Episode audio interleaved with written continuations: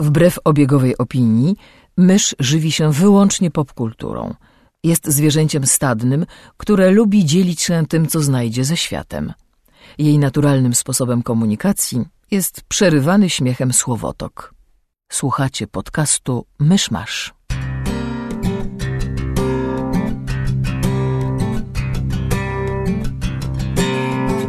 Gospodarzami podcastu Myszmasz są Krzysiek Ceran, redaktor portalu Avalon. Kamil Borek ze studia Kobart. i Mysz, autorka bloga Mysza Mówi. Drodzy słuchacze, jest poniedziałek, 8 września 2014 roku, Macedoński Dzień Niepodległości. Wszystkiego najlepszego. Zapraszam do 73 odcinka podcastu Myszmasz. Wszystkiego najlepszego dla Aleksandra Macedońskiego. słuchających nas Macedończyków. Mam macedońską znajomą, no może słucha. A, okej. No dobrze, to jesteś usprawiedliwiony. No to przejdźmy od razu do rzeczy. E, chciałbym zacząć od komiksu, jeśli mi pozwolicie na to. A nie mamy żadnych newsów tygodnia albo coś takiego? Nie, nie wyrywałaś się z niczym. nie. Znaczy, wie, byłaś zapchana ciasteczkiem, ale nie wyrywałaś Cicho. się z niczym. Co tam, spokoju moje ciasteczko. Ja tutaj próbuję odstawiać konspirację, a ty mnie tak wyautowujesz. Wyautujesz. Ups. Nie no, jeśli... Zdradzasz moje tajemnice. Wyautował się z rozentuzjazmowanego tłumu. E, no to chcesz nas oszołomić jakimś newsem? A, ciasteczko w puszczku. To będzie dobry odcinek, czuję to w kościach. Uwagę, żeby się nie zadławił przed końcem. Damiu! Przepraszam, nie usłyszałem. Czy możesz powtórzyć? To będzie jeden z tych odcinków. No dobrze, o komiksie mówisz. Tak. Komiks jest polskiej produkcji i dostępny za darmo w internecie. Jest to owoc współpracy Michała Śledzińskiego i, i Artura Kurasińskiego. Nazywa się Strange Yes pod tytuł O tym. To jest pierwszy z czterech albumów. Kolejne mają być następne pory roku. A Rangers? Years. Dziwne lata. Ale y, tytuł jest angielski, bo autorzy uderzają na zagranicę. E, I tak, e, pierwszy album jest dostępny za darmo, bo chcą wypromować projekt. Mm, Nie pamiętam gdzie, ale można to na pewno znaleźć w Google. I po prostu wystarczy im podać swój adres mailowy i w zamian dostaje się maila zwrotnego z linką do e, komiksu w formacie PDF w dwóch wersjach, po polsku lub po angielsku do wyboru i linką do e, ścieżki dźwiękowej do komiksu, skomponowanej specjalnie na potrzeby przez jeszcze innego współpracownika, którego imienia tym bardziej nie pamiętam. E, I to wszystko jest za darmo i to wszystko od razu mogę polecić. A Jest to historia postapokaliptyczna, która zaczyna się 11 września 2001 roku. Bo w rzeczywistości tego komiksu ataki z tego dnia były tylko miały odwrócić uwagę od większego planu, potem zdetonowano brudne bomby w wielu miastach całego świata, a potem na dokładkę syndrom wymierania kolonii doprowadził do zagłady wszystkich pszczół, więc wymarły rośliny, więc wymarły zwierzęta i jest taka mieszanina katastrofy ekologicznej i trochę, trochę radioaktywnych pustkowi. Parę naszych głównych bohaterów poznajemy właśnie 11 września, kiedy są kilkuletnimi chłopcami. Są dwaj bracia, Ruben i Elvis. E, mieszkają w Nowym Jorku. Mm, jeden jest czarny, drugi jest biały, ale komiks nie dostarcza informacji, jak, jak, czy to patchworkowa rodzina, czy, czy tak się urodzili. E, no i potem historia skacze o te kilkanaście czy dwadzieścia parę lat do przodu, kiedy obaj są młodymi mężczyznami. I zaczyna się akcja, i właściwie w tym albumie dzieje się sporo. Dostajemy tonę informacji o tym świecie. E, tylko, że to, to, nie jest, to nie jest w żaden sposób zamknięta historia. To jest jedna czwarta całości. Więc mamy wprowadzenie do świata, poznajemy bohaterów i to myślę, że dość dobrze ich poznajemy. A, no i już zaczyna się coś dziać. Oni są tam w jakiejś społeczności, która się zorganizowała. Jest małe miasteczko, którym przewozi jakiś starszy, który nie jest do końca miłym człowiekiem. Jeden z braci jest właśnie w niego zapatrzony i tam wykonuje dla niego po cichu jakieś zadania, temu drugiemu to się nie podoba. No właśnie ruszają na pustkowie, tam po, po jakieś informacje i na tym pustkowiu spotykają dziwnych i coraz dziwniejszych ludzi. E, I zaczynają się, jest trochę standardów postapokaliptycznych, jest banda kanibali, e, którymi zarządza taki malutki karzełek stojący na barkach wielkiego olbrzyma, także wiemy skąd to jest. E, zresztą tych, no, ty, tych nawiązań mniej lub bardziej oczywistych jest tam jeszcze sporo. Mm, spotykają różnych ludzi, mniej lub bardziej szalonych. A jest trochę chyba mistycyzmu, bo spotykają jakiegoś tajemniczego człowieka, który mówi tajemnicze rzeczy. Więc dzieje się dużo, postaci jest sporo, informacji o świecie jest sporo. E, to wszystko jest przez śledzia bardzo ładnie narysowane. A te jego postaci są takie trochę, że tak powiem, rozedrgane. To jest tak trochę, trochę jak. Śledziu to jest ten od Jerzego, tak? Nie, absolutnie nie. E, czego? Śledzia pewnie znasz e, z krótkich, żartobliwych pasków, które w pismach komputerowych się ukazywały. Nie wiem, czy w świecie gier komputerowych, czy coś tam. E, no a poza tym jest autorem Osiedla Swoboda, Mhm, mhm. którego przyznam nigdy w życiu nie miałem w rękach, ale to jest jego ten opus magnum na razie. Największy No, tak dobrze, rzeczywiście mi się zlały ten. Zlały mi się z podstawówkowej biblioteki Mm. dwa, dwa wpływy. Ci od Jerza Jerzego to chyba Skarżyński i... A może właśnie to wymyślam. Nie brnij mnie. Ośmieszę się. No i niestety nasuwa mi się porównanie z Tekilą. Mówię niestety, bo to jest bardzo nie fair porównanie w stosunku do Tekili, która była komiksem no, debiutujących ludzi. Znaczy, scenarzysta miał na koncie jakąś powieść, ale nigdy nie napisał komiksu. Kici Putek rysuje komiks internetowy, a to jednak trochę inna forma niż, niż komiks regularny. No i to był jakby ich debiut w takiej formie. A tutaj Śledziu rysuje od, nie wiem, 20 lat pewnie z hakiem. E, ten scenarzysta Kurasiński to jest ciekawa postać, bo ja musiałem doszukiwać się informacji o nim w internecie, bo nic mi nie mówiło nazwisko. On jest, e, jest osobowością internetową i sam mówi, że ludzie nie wiedzą, A, czym się Artur zajmuje. Tak. czekaj, już skojarzę. Mm. A, I z moich dogłębnych 15-minutowych badań w Google wychodzi mi, że on pisał dotąd tylko jeden komiks i był to komiks internetowy Homiks, ten gdzie chomiki się nabijały z żołdów kaczyńskich. A to było 7 lat temu. Ja Kurasińskiego znam tylko i wyłącznie dlatego, że pojawia mi się czasem na tablicy facebookowej, jak ktoś coś tam u niego skomentuje i polubi, ale nawet nie mam go dodanego do obserwowanych, ale po prostu tak wiem, że jest osobowością internetową, bo po prostu pojawia mi się gdzieś tam na obrzeżach mojej świadomości. No dobra, no więc nie mogłem się doszukać, czy, czy on ma doświadczenie jako autor komiksowy, bo wyszło mi, że poza komiksem nie ma. E, a Strange Yes jest bardzo fajnie rozpisane. W sensie dialogi są zabawne e, i zresztą większa część humoru, a jest go dużo w tym albumie, jest zawarta właśnie w dialogach. Ale też całkiem nieźle jest rozpisane, wydarzenia rozpisane są na panele i no nie wiem, no może śledził mu pomagał, żeby, żeby to miało ręce i nogi. E, bo to ma ręce i nogi. W przeciwieństwie do Tekili. No, bo nasuwają mi się porównania, bo to są dwa postapokaliptyczne komiksy polskiej produkcji. Oba są tylko wprowadzeniem do tego większego świata. Tylko, że e, Strange jest faktycznie informuje o tym świecie, faktycznie przedstawia bohaterów. E, no nawet, nawet wizualnie jest dużo lepszy, bo to też jest postapokalipsa, tylko że mm, tylko, że co, no, mamy oczywiście brązowo-brunatne pustkowie, ale nad nimi jest błękitne niebo, no, jakby śledził pamięta, żeby te kolory równoważyć, więc to jest po prostu ładne. Mm, W przeciwieństwie do brudno-brązowo-zielonej tekili. No po prostu, po prostu polecam, bo muszę przyznać, e, kilkanaście stron mi zajęło przekonanie się do tego, jakby załapałem dopiero ten klimat, tak powiedzmy, w jednej trzeciej albumu. E, To jest wszystkiego 40 parę stron. Mm, I w tym momencie muszę powiedzieć, że bardzo mi się to podoba i, i czekam. Chyba plan jest taki, żeby to się ukazało w formie drukowanej, w normalnej sprzedaży, i potem następne albumy chyba będą już od razu w normalnej sprzedaży. E, Także czekam na pewno.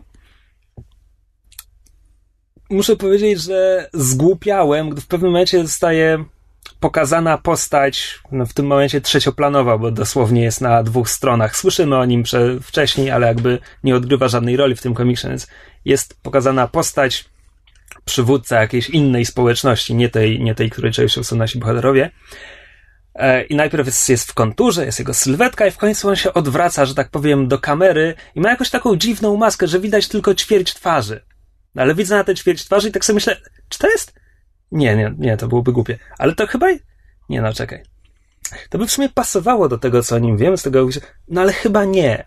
A potem właśnie szukając informacji o Kurasińskim, trafiłem na jego profil facebookowy, e, gdzie, gdzie pisze o komiksie i właśnie wymienia autentyczne postaci, które pojawiają się w komiksie. Więc sobie potwierdziłem, że tak, to faktycznie jest ten pan i nie mam pojęcia, do czego to prowadzi. A, A kto to jest? nie, nie chcę mówić, bo to była dla mnie niespodzianka i niech będzie niespodzianką dla czytelników e, i słuchaczy i w ogóle wszystkich. E, tak, także jeszcze raz. E, Strange jest o tym polecam. Znaczek jakości nawet dodam. Aha. Ktysie Proofs. To ja mogę opowiedzieć o dwóch filmach. Tak, jeden przy drugim. Co? Czy obejrzałeś? Uuu, pokryjomu ogląda filmy. Nie mówi ci. Ale nie, to nie jest śmieszne, bo ja sobie teraz od niego... To oznacza brak zaufania w związku. Ja sobie od Co? niego zgrałam Netflixa, więc wiesz, ja mogę śledzić, co on ogląda. Tak, widać całego. No, mogę się włączyć na twój profil i zobaczę w historii. Bo za każdym razem jak wejdę się pyta, kto dzisiaj ogląda, czy Kamil, czy Mysza. E, no, nie ma tam nic, czego mógłbym się wstydzić szczególnie. Aha. E, ale Transformersy Michaela Beya.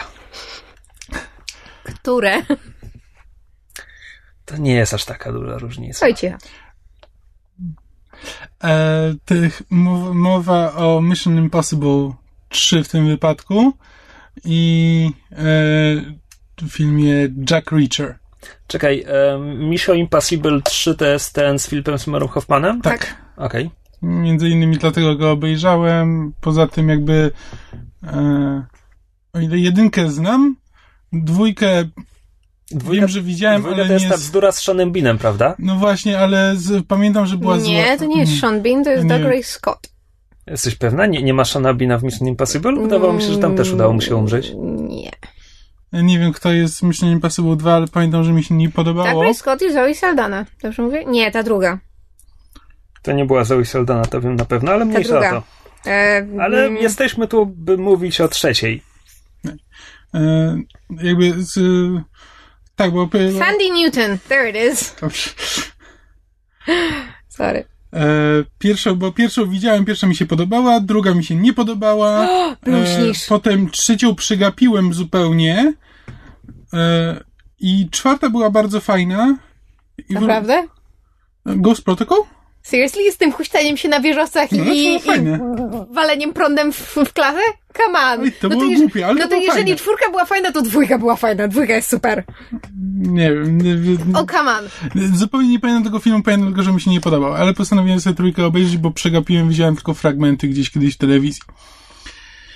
E... No jakby mówię o tych, o tych dwóch filmach, bo Jack Reacher też jest z Tomem Cruise'em i też jest thrillerem, thrillerem akcji. E... I Mission Impossible 3 jest jest fajne, znaczy bardzo przyjemnie się ogląda. To jest J.J. Abrams, więc jakby wiele się po tym nie można spodziewać, jeśli chodzi o jakąś głębię, czy... Dopóki, dopóki nie zaczniesz myśleć, jest w porządku. Dokładnie, mniej więcej na, na, na, na takiej zasadzie, że bardzo przyjemnie się ogląda, wiesz, że jakby postaci są fajnie zagrane, mm, te wątki są, wiesz, sprawnie, sprawnie poprowadzone, a to, czy one tam mają sens, to jakby jest już e, drugi plan, nie należy się nad tym za bardzo zastanawiać. Ale zasadniczo, ale warto obejrzeć, jeśli ktoś lubi te, ten gatunek. E, A jeśli nie lubi, to jakby Mission Impossible 3 go nie przekona. E, Natomiast Jack Reacher właśnie też sobie obejrzałem, bo stwierdziłem, że okej, będzie, będzie podobnie pewnie. E, I zaskoczył mnie w miarę pozytywnie. Głównie tym, że Czekaj, musisz mi powiedzieć coś więcej, bo tak, Jack Reacher, postać Jacka Reachera to jest tam udekorowany żołnierz, o którym jakby nikt w życiu nie słyszał. E, i jest e, śledczym. Film zaczyna się od tego, że jakiś snajper, e, grany zresztą przez, e, ty mi powiesz jak, jak się aktor nazywa, ale e, ten blondyn ze Spartakusa. Liam McIntyre? Nie, Jai Courtney. Jay Courtney, dokładnie. Syn Bruce'a Willisa. Tak, syn Bruce'a Willisa z e, filmu, który nigdy nie powstał. Tak, dziękuję, bo E, właśnie chciałam no. to powiedzieć. Bo Po trzeciej szklanej pułapce już nikt się nie wziął za ten, e, za tę serię. Znaczy, ja lubię czwartą szklaną pułapkę, Za co? ale za mm, Kevina Justina, Smitha? nie, Justina Longa, wbrew pozorom, ja go strasznie lubię. I za Timothy'ego Olifanta, który po prostu jest fantastyczny, jak gra kompletnych debili. Mm, Timothy'ego Olifanta rzeczywiście lubię. E, jakby, e, o dziwo, tak jak nie, nie podobała mi się Szklana Pułapka 4, to Timothy'ego Olifanta polubiłem po Szklanej Pułapce 4. Jakby był na, na, na tyle Bo w dobry, Hitmanie że... był beznadziejny. Że w, w, chyba wtedy nie widziałem Hitmana nawet. Jezu, na, na Hitmanie byłam w kinie, nigdy więcej. W na, tyle, w na tyle beznadziejnym filmie udało mu się stworzyć y, interesujący, może nie postać, bo postać była, była Można było- była, ale można było fajnie, fajnie zagrana, tak. tak, ale z, dobrze sobie poradził z materią. Dobrze, czyli E, Jai Courtney gna, gra snajpera. Courtney gra snajpera, który y, postrzeliwuje jakąś piątkę albo szóstkę przypadkowych ludzi Postrzeliwuje na śmierć na śmierć. E, specjalnie. specjalnie. E, I nikt nie do końca nie do końca wiadomo dlaczego. I policja, policja po śladach łapie e, snajpera, a jakby my wiemy, bo widzimy zarówno e, obie twarze, wie- wiemy już, że to nie jest ten. Złapali kogoś innego. Kto myśli, E, że popełnił tę zbrodnię? E, nie, jakby on i biorą go na przesłuchanie, a on na przesłuchaniu jakby nie mówi nic, tylko na kartce pisze e, get Jack Reacher. E, Przyprowadźcie, Dun, dun, mi, przyprowadźcie mi Jacka Reachera. I zaczynają się zastanawiać, kim jest właściwie Jack Reacher, bo, e, bo nie mają pojęcia. Udaje im się tam znaleźć informację właśnie, że był udekorowanym żołnierzem, że ma całą masę medali, i to takich medali nawet, o których nikt właściwie nie słyszał. Za smarowanie bułki z dwóch stron. Przepraszam, Wszystkie e, ordery. Kim, kim właściwie był Jack Reacher w sensie, e, kto go gra, bo ja się E, Tom Cruise. Cruise go gra, dobra. Tak. E, Przepraszam, bo ten film cały czas mi się myli z czymś innym, gdzie tytułem też było imię głównego bohatera, też równie do zapomnienia, tylko że tam jakiś czarnoskóry aktor grał tę Jack rolę. No nie, myślałem, że o Jacku Ryanie Coś mówisz. z Cross. E, O Jezu, coś było O rzeczywiście. Jezu, było. Mm, Myślałem, że może jeszcze mówisz o Jacku Strongu. Bo, nie, nie, nie. Bo to też dwa filmy, które weszły mniej więcej w tym samym czasie, tam w, w odległości może Nie, miesiąca. nie. Właśnie w tytule był, był, była chyba jakaś gra słów z tym, że on się nazywa Cross, czy coś takiego. Get Cross. A chyba coś takiego Może. było. No dobra, nieważne. Nieważne. W każdym razie to nie to. To nie to, tak. To nie ten film, którego nie możemy sobie teraz przypomnieć. fantastycznie. E, I tak, i z- zastanawia się, że w ogóle nie wiedzą nawet jak się z nim skontaktować i dochodzą do wniosku, że no, z, Jackiem Reacherem nie da się skontaktować, o ile nie chce się z, z tobą skontaktować, ale Jack Reacher się pojawia w, te, w tym momencie, się zjawia, e, zjawia na posterunku. E, Bo chciał się skontaktować, czy kompletnie przypadkiem? e, nie, wie, wie co tam robi.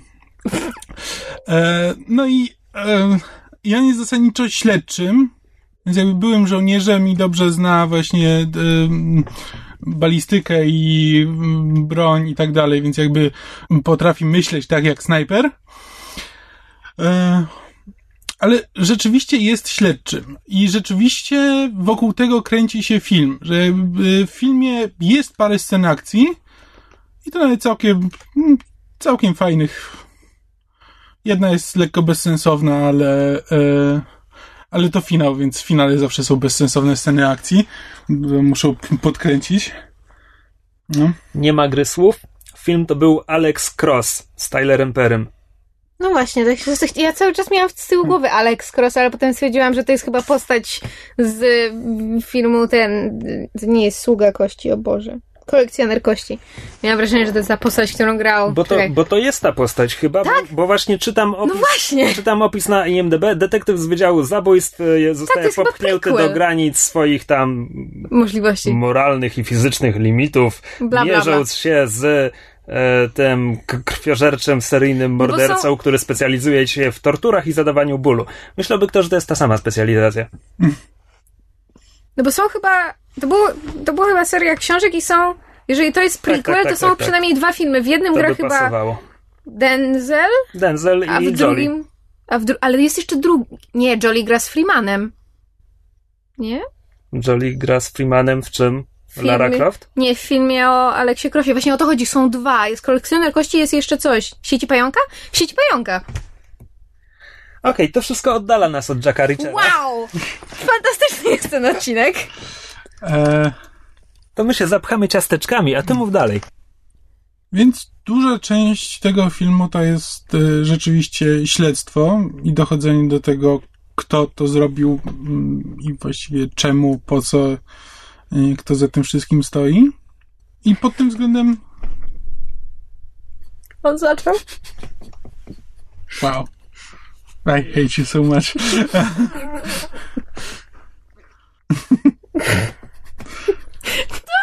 On! Daj mi zjeść ciastko w spokoju. Ale ja jestem cicho.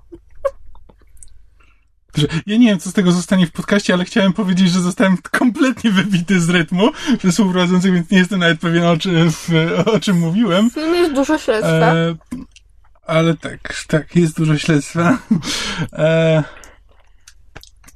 i, i, to jest, I to jest największa zaleta. Jakby Jack Reacher to jest tak postać takiego stoickiego e, stoickiego bohatera, który jakby nie jest brawurowy, nie zależy mu na tym, żeby lecieć wszędzie e, z pistoletami na wierzchu, ale jeśli, no, ale jeśli jest do tego popchnięty, to potrafi, e, potrafi narobić e, ludziom kłopotu. Ale co, nic go nie rusza? Znaczy tak, że jakby nie, wiesz, że wszystko co robi jest wykalkulowane i ma, wiesz, ma pełną cierpliwość, ale tak, ale jeśli jak jest, jak jest tarapata w jakichś kłopotach, to no, potrafi, potrafi zrobić niezłą rozróbę. Czyli to jest film. Jakichś ludzi, rozumiem. Hollywoodzki. Mm. Amerykański. Tak. Thriller akcji. Myślałem, że niezależny azerbejdżański. Okej, przepraszam, właśnie się dowiedziałem, że Z film, ostatniej chwili. że film po polsku nazywał się Jack Reacher. Jednym strzałem. Co biorąc pod uwagę, że film zaczyna się od sześciu strzałów, kompletnie nie ma żadnego sensu. E, Ale może każdy zabija jedną ofiarę. e, dobra, no jak się nad tym zastanowić, to to ma trochę sensu, ale e, Christopher McQuarrie napisał ten film, Brzmi znajomo. E, bo Usual Suspects też e, s, n, napisał. E, napisał i wyprodukował też Valkyrie z Tomem Cruzem i napisał The Edge of Tomorrow. A widzisz. Nie, przepraszam, No co, co, co ty za Na skraju jutra. Live on the Edge. To coś, coś innego jest, przepraszam. To jaki był Pomyliłem polski tytuł? się. Właśnie z Na polski tytuł mnie zmylił. Nie, to jest The Edge of Tomorrow. E, bo zmienili tytuł. Tak. Zmienili angielski tytuł Edge of Tomorrow. A tak, bo, bo coś się nie sprzedawało i tam przed wejściem na kolejny rynek czy coś tam stwierdzili, że zmieniał tytuł. A na jaki w końcu zmienili? Znaczy, tutaj na grafice na IMDb jest e, Live on the Edge. Ale zdawało mi się, że zmienili, chyba- że na DVD tagline. zmienili właśnie. Właśnie zdawało mi się, że na DVD zmienili na to, co było taglinem w kinach, czyli e, Live, Die, Repeat. Ale już nie jestem pewien, prawda, w tym A momencie. oni nie zmienili tego z powrotem na taki tytuł, jak miała manga? A to jest ekranizacja mangi? Wow! No. Ja nie widziałem tego filmu. Um, powinnam pamiętać tytuł. All You Need Is Kill. Chyba taki jest tytuł mangi. A rzeczywiście, tak. Masz rację. Nie wierzę, że to pamiętałam. Nie wiem, w jakim zakamarku mózgu musiało mi to utknąć. Teraz wygrzebałam ten okruszek i już nigdy więcej sobie tego nie przypomnę. Choćby życie od tego zależało. No dobra, ale wracając po raz 15 do Jacka Reachera, e, jaki to jest film? W sensie, czy to jest coś, co entuzjastycznie polecasz, że wszyscy powinni to obejrzeć, czy to jest po prostu coś, co można w miarę Znaczy- bezboleśnie? Entuzjastycznie polecam fanom gatunku. Może tak, że jakby w ramach swojego gatunku to jest bardzo dobry Okej, film. ale jaki to jest bardziej gatunek? To jest gatunek strzelać, zabić, czy jednak bardziej thriller, kryminał? Thriller akcji. Thriller akcji. Mm, Okej. Tak, jakby nie- jest to tak, wiesz, Czyli nie jest to to, tak byłaby- zakręcone jak Mission Impossible. Mimo wszystko jakby trzyma, stara się trzymać, ale tak, ale ma elementy, To ma elementy thrillera. bliżej Borna? Czy... No. Być może tak. Ja bym raczej, chociaż nie widziałam Jacka Richa, ale ja, ja bym bardziej obstawiała w stronę, e, nie wiem, Jacka Ryana. Polowanie na Czerwony Mhm. Październik. No właśnie więcej takich wątków e, szpiegowsko-śledczych No, niż takiego, akcji. także Bo dla mnie no. jednak Born jest przede wszystkim filmem akcji. To, to, to ta jakby intryga, która jest po drodze, to, to mniej, zwłaszcza, że ja się już w dwójce gubię i nic nie rozumiem. A, pro, a propos Borda, y, ty chyba masz lekkiego filia na punkcie Renera. Widziałaś tego Widziałam. Borna, gdzie Kompletnie- Renner gra nie Borna? kompletnie osobne. E, Renner jest w porządku, film jest bez sensu. Można, nie trzeba, tylko dla scen akcji. Tak. To jest tak kompletnie osobny film, że to się w ogóle w głowie nie mieści. Właściwie nie ma nic wspólnego. Ale dla kogoś, kto tak jak ja kompletnie stracił wątek już w drugiej części tej, tej jakby trylogii i, i pogubił się w fabule, to, to, to było fajne, bo jakby zaczynamy od zera, tłumaczył nam to, co jest najważniejsze, a potem się po prostu leci i są kolejne sceny akcji. Jeremy Renner z kamienną twarzą i tyle. Czy tam Matt Damon w ogóle pojawia się gościnnie? Wiesz co, chyba jest jego zdjęcie w pewnym momencie, jak tłumaczył A. mu program, jakby who is Jason Bourne i, i, i- i skąd się wzięło i że to jest codename i nie jesteś pierwszy, nie będziesz ostatni i tak dalej, tak dalej. Wszystko to było w trailerze właściwie. No. Można, nie trzeba. Jakoś ten czwarty, czwarty to nie bardzo. Czy skończyliśmy już z Jackiem Richerem? Dobrze. Ja się tylko pytam. Ja obejrzałem kolejny film z mojej listy filmów do obejrzenia, mm, której nigdy nigdzie nie spisałem, dlatego ja o nich zapominam i nigdy ich nie oglądam. Ja w sumie zazdroszczę twojej metody, bo jak patrzę na moją, która ciągle się powiększa, to jakoś tak smutno mi się robi. Był to e, In Bruges, czyli koszmarnie zatytułowany po polsku Najpierw strzelaj, potem zwiedzaj. E, I to nie tylko Mm. koszmarnie zatytułowany, ale jeśli dobrze pamiętam, to on był też reklamowany przede wszystkim jako komedia sensacyjna. I myślę sobie, że jeśli ktoś zobaczył tytuł i usłyszał komedia sensacyjna, to mógł na przykład wypożyczyć ten film, a potem rozczarować się, jak bohaterowie chłopaki nie płaczą, którzy wciąż czekają, aż śmie- śmierć w Wenecji się rozkręci. Bo okej, in, Przepraszam, ale jaki oldschoolowy joke. o, chłopaki nie płaczą tak bardzo lata 90. bo w In Bruges faktycznie jest strzelanina, ale najpierw jest półtorej godziny kontemplowania życia i dość dołujących e, rozmów, przemieszanych absurdalnym humorem. To jest komedia, tylko jest to niesamowicie czarna komedia, niesamowicie gorzka komedia. O, o co w ogóle chodzi?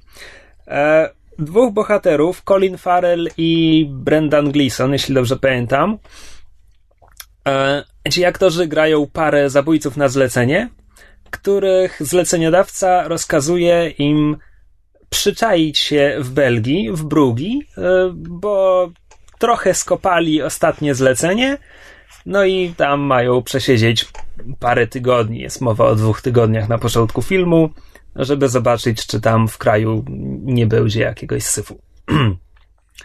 I Brendan Gleeson jest e, starszym z tej pary. Przepraszam, już zapomniałem, jak bohaterowie nazywają się w filmie, więc będę używał nazwisk aktorów.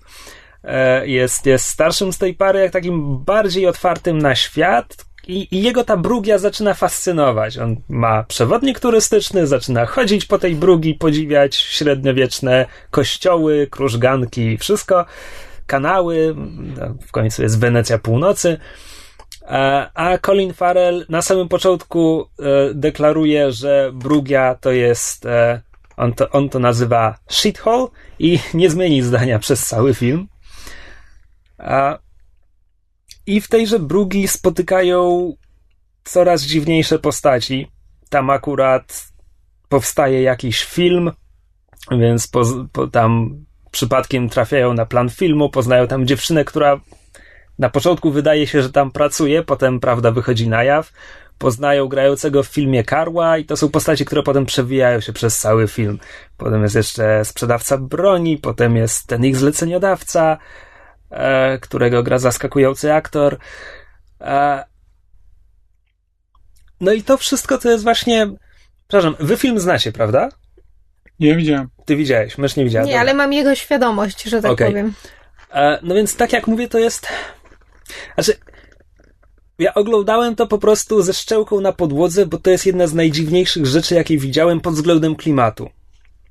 Bo to jest właśnie taka, tak jak mówiłem, bardzo gorzka komedia, taka, gdzie naprawdę nie wiesz, czy masz się śmiać, czy się płakać czasami. Się płakać? Nieważne. E, a z, większość humoru, przynajmniej w pierwszej połowie filmu, bierze się po prostu z takich bardzo absurdalnych zachowań bohaterów. Colin Farrell rzuca po prostu absurdalne kwestie. E, nagle znikąd pojawia się taki bardzo obraźliwy humor, właśnie głównie pod adresem tego karła. E, I po prostu oglądając to i miałem wrażenie, że, że ktoś dostał duży, no duży, że ktoś dostał budżet, żeby, żeby zrealizować film na podstawie swojej etiudy studenckiej. E, to nie jest właściwy trop, bo potem odkryłem, że reżyser, który nakręcił też Siedmiu Psychopatów, którego imienia też już nie pamiętam, McDonough coś tam, był, zanim zaczął kręcić filmy, był, a może jest nadal reżyserem teatralnym. Siedmiu Psychopatów było fajne. I to jest chyba ten trop, gdzie to, to, tu naprawdę interesują go portrety psychologiczne swoich bohaterów. A to nie jest coś, co zazwyczaj słyszysz, gdy, gdy słyszysz komedia sensacyjna. A, no więc obejrzałem ten film, byłem pod bardzo dużym wrażeniem. Myślę, że każdy powinien spróbować, ale to jest film, który mi się ciężko oglądało. Na zasadzie po prostu tego kontrastu, jak bardzo on cię zaskakuje ze sceny na scenę tym, czym teraz jest. Też pamiętam też, jak oglądałem, jakby, tak, widziałem, że to nie jest film akcji, bo zostałem jakby ostrzeżony, bo to jest, tam znajomy mi polecił i widziałem, że to nie jest taki typowy film akcji i potem tam przeczytałem opis na IMDB, że to jest to bardziej komedia właśnie, ale oglądałem to To i nie nie jest wiedziałem, bardziej komedia. i nie wiedziałem w ogóle na co patrzę i po co. Tak, ale ogólnie y, bardzo pozytywnie oceniam film. Chyba tak. Wiesz co, to było 5 lat temu. Więcej nawet. Było głębokie liceum, to jest... e, To ile ten film ma lat? No. To nie było głębokie liceum, on jest z 2008 chyba. No właśnie. Najwyżej No to głębokie początek studia. studiów. No dobrze, to może początek studiów, niech będzie. Ale Bo ja to pamiętam, że on wyszedł wtedy, kiedy ja pracowałam w wypożyczalni, czyli to musiał być rzeczywiście właśnie taki okres. Chociaż nie, to nie był początek studiów, to już była połowa studiów. Słuchacze na pewno są bardzo zainteresowani A, nieważne. chronologią. To się wytnie. E, To wszystko o Inbrusz? No, mam. Wydaje mi się, że wyraziłem już e, tym, jak bardzo skonfudował mnie ten film. I, I to. Tak, to jest, to jest clue tego, co zamierzałem przekazać. Konfuzja. Tak, tak, ale taka, którą warto obejrzeć. Warto samemu się przekonać, co, co się o tym filmie pomyśli. To skoro jesteśmy przy filmach sensacyjnych i portretach psychologicznych postaci, to ja obejrzałem Expendables 2, e, które, tak, jak wszyscy wiemy, bardzo, bardzo głęboko zagląda w psychikę swoich bohaterów. No i tak podejrzewam, że głębiej niż trójka.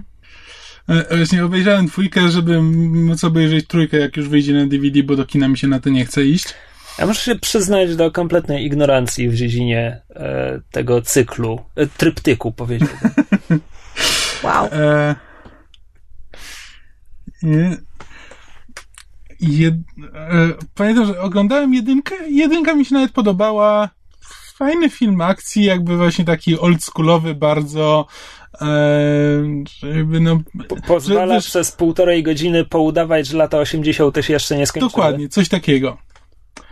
E, no i jakoś tak byłem zachęcony do obejrzenia tej dwójki, bo, bo tam parę osób mówiło, że, no, to, no, że jak, jak z Myszą wspominaliśmy, że nie bardzo nam się chce iść na Expendables 3, to nam ludzie mówili, że a, bo to, i, że widzieliśmy tylko jedynkę, że a, bo to, to od dwójki zaczyna się robić fajne. No to stwierdziłem, Bo że... ch- chyba, chyba myślimy o tych samych znajomych, to mówili, że dwójka opiera się na tym, że aktorzy żartują z samych siebie i filmów, w których występowali. I Jak zaraz bardzo do tego dojdę. Znaczy tak, no, film zaczyna się rzeczywiście od całkiem fajnej sceny akcji, ale to nie jest, to nie jest już ten klimat lat 80.